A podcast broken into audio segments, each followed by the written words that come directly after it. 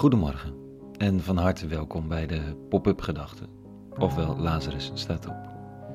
Sinds een jaar of vier schrijf ik ochtends tussen zes en zeven, op de werkdagen dan, een overweging om de dag mee te beginnen. Ik lees de fragmenten uit de Bijbel die op deze dag in katholieke kerken over heel de wereld gelezen zullen worden. En ik vraag me af wat erin zit voor mensen die niet per se die kerken zullen gaan bezoeken vandaag, maar wel weer een dag voor zich hebben liggen. Het is een meditatieve oefening voor mij. Als schrijvende ontdekken wat er gezegd zou kunnen worden aan de hand van één zinnetje uit de lezingen. En het begint altijd met een vaag idee waaruit een titel wegloopt. Vanochtend is dat deze. Einde gejaagdheid. Pop-up gedachten, woensdag 14 oktober 2020.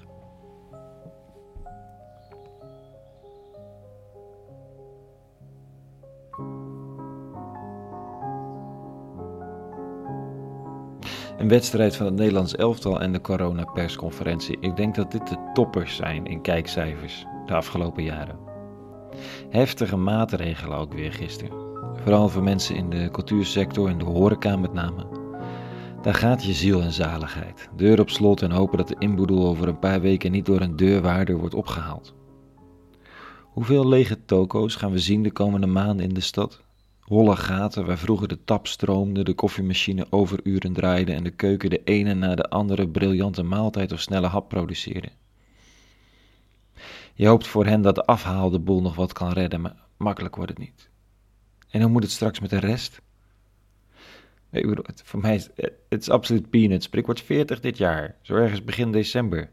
Online Zoom party, mijn hemel, nou, we zullen zien. Het kan je opjagen. En niet zo'n beetje ook. De slinkende bankrekening, de donkere dagen, de onzekerheid, de maatschappelijke verdeeldheid ook soms. En je eigen verlangen naar een knuffel, naar breed uit leven, naar dansen tot in de late uurtjes, naar festivals en diners. Maar ook dieper, naar, naar zekerheid, naar vaste grond onder de voeten, helderheid. De ademhaling klimt omhoog tot in de borst, de schouderspieren trekken aan, de kaak staat gespannen, want er gaat iets niet goed en hoofd en lijf willen iets anders. Ze vertrouwen het niet en zijn voortdurend op zoek naar een uitweg. Vandaag lees ik dit, Paulus. De vrucht van de geest is liefde, vreugde, vrede, geduld, vriendelijkheid, goedheid, trouw, zachtheid, ingetogenheid tegen zulke dingen bestaat geen wet. Zij die Christus Jezus toebehoren hebben het vlees gekruisigd met zijn hartstochten en begeerten, en daarbij leven door de geest, willen we ook leven volgens de geest. Hm. Liefde, vreugde, vrede, tegen zulke dingen bestaat geen wet. Ook geen coronawet. Nou ja, tenzij je onwettig vriendelijk wilt zijn tegen ongedocumenteerde en vluchtelingen. Dan kan de wet even heel lastig worden. Vraag het maar eens aan de mensenredders aan de kusten van Griekenland. Maar verder heeft Paulus best wel gelijk. Liefde, vreugde, vrede, geduld, vriendelijkheid, goedheid, trouw, zachtheid, ingetogenheid. Hm. Het zijn niet per se de allereerste bijnamen waar mensen aan denken bij mijn werk de laatste week. Dan gaat het meer om drammers en landverraders en deugtuigen. Maar goed, een beetje goede wil zou je dat ook trouw en liefde en goedheid kunnen noemen alleen dan een beetje tegen het zere been. Wat me triggert vanochtend is de wereld die uit deze woordenserie naar boven komt. Negen keer rust ademen deze woorden. En hartstocht en begeerte ademen twee keer onrust en gejaagdheid. Ik ben, ik ben absoluut fan van hartstochten. Maar als het de jonge vruchten van goedheid, vriendelijkheid en trouw van de takken ritst, omdat het zo nodig weer een stok zoekt om een ander mee te slaan, dan is het zonde. Laat die takken nou rustig uitpotten. Er groeien vruchten van de geest aan.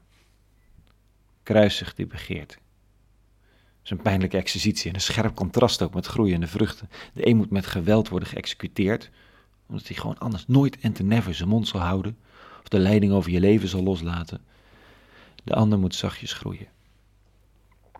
De begeerte waarmee ik jaag naar vastheid, naar zekerheid, naar hebben, naar winnen, naar iemand zijn, naar alles wat er was toen alles nog bij het oude was. die maakt stuk en put uit. Als ik die heb terechtgesteld, ontstaat er ruimte voor groei. Voor een geest die waait. En het lijkt wel alsof de negen woorden serie al een vorm van zaaien zelf is. Of van begieten of van bemesten. De woorden zelf begeleiden de groei van liefde, van vreugde, die er ergens echt is. Misschien een kwetsbaar plantje, maar het is er. Van vrede, geduld, ook zoiets. Van vriendelijkheid, goedheid, trouw, zachtheid en ingetogenheid. Het is een overwoekerde kruidentuin in je ziel, die zodra de grote overwoekeraars zijn verwijderd, licht en lucht en ruimte vindt. En dan is er al gauw meer dan genoeg voor jezelf en voor anderen. Op anderhalve meter, anderen, maar toch. Tot zover de pop-up gedachten van vanochtend. Een hele goede woensdag gewenst. En vrede. En alle goeds.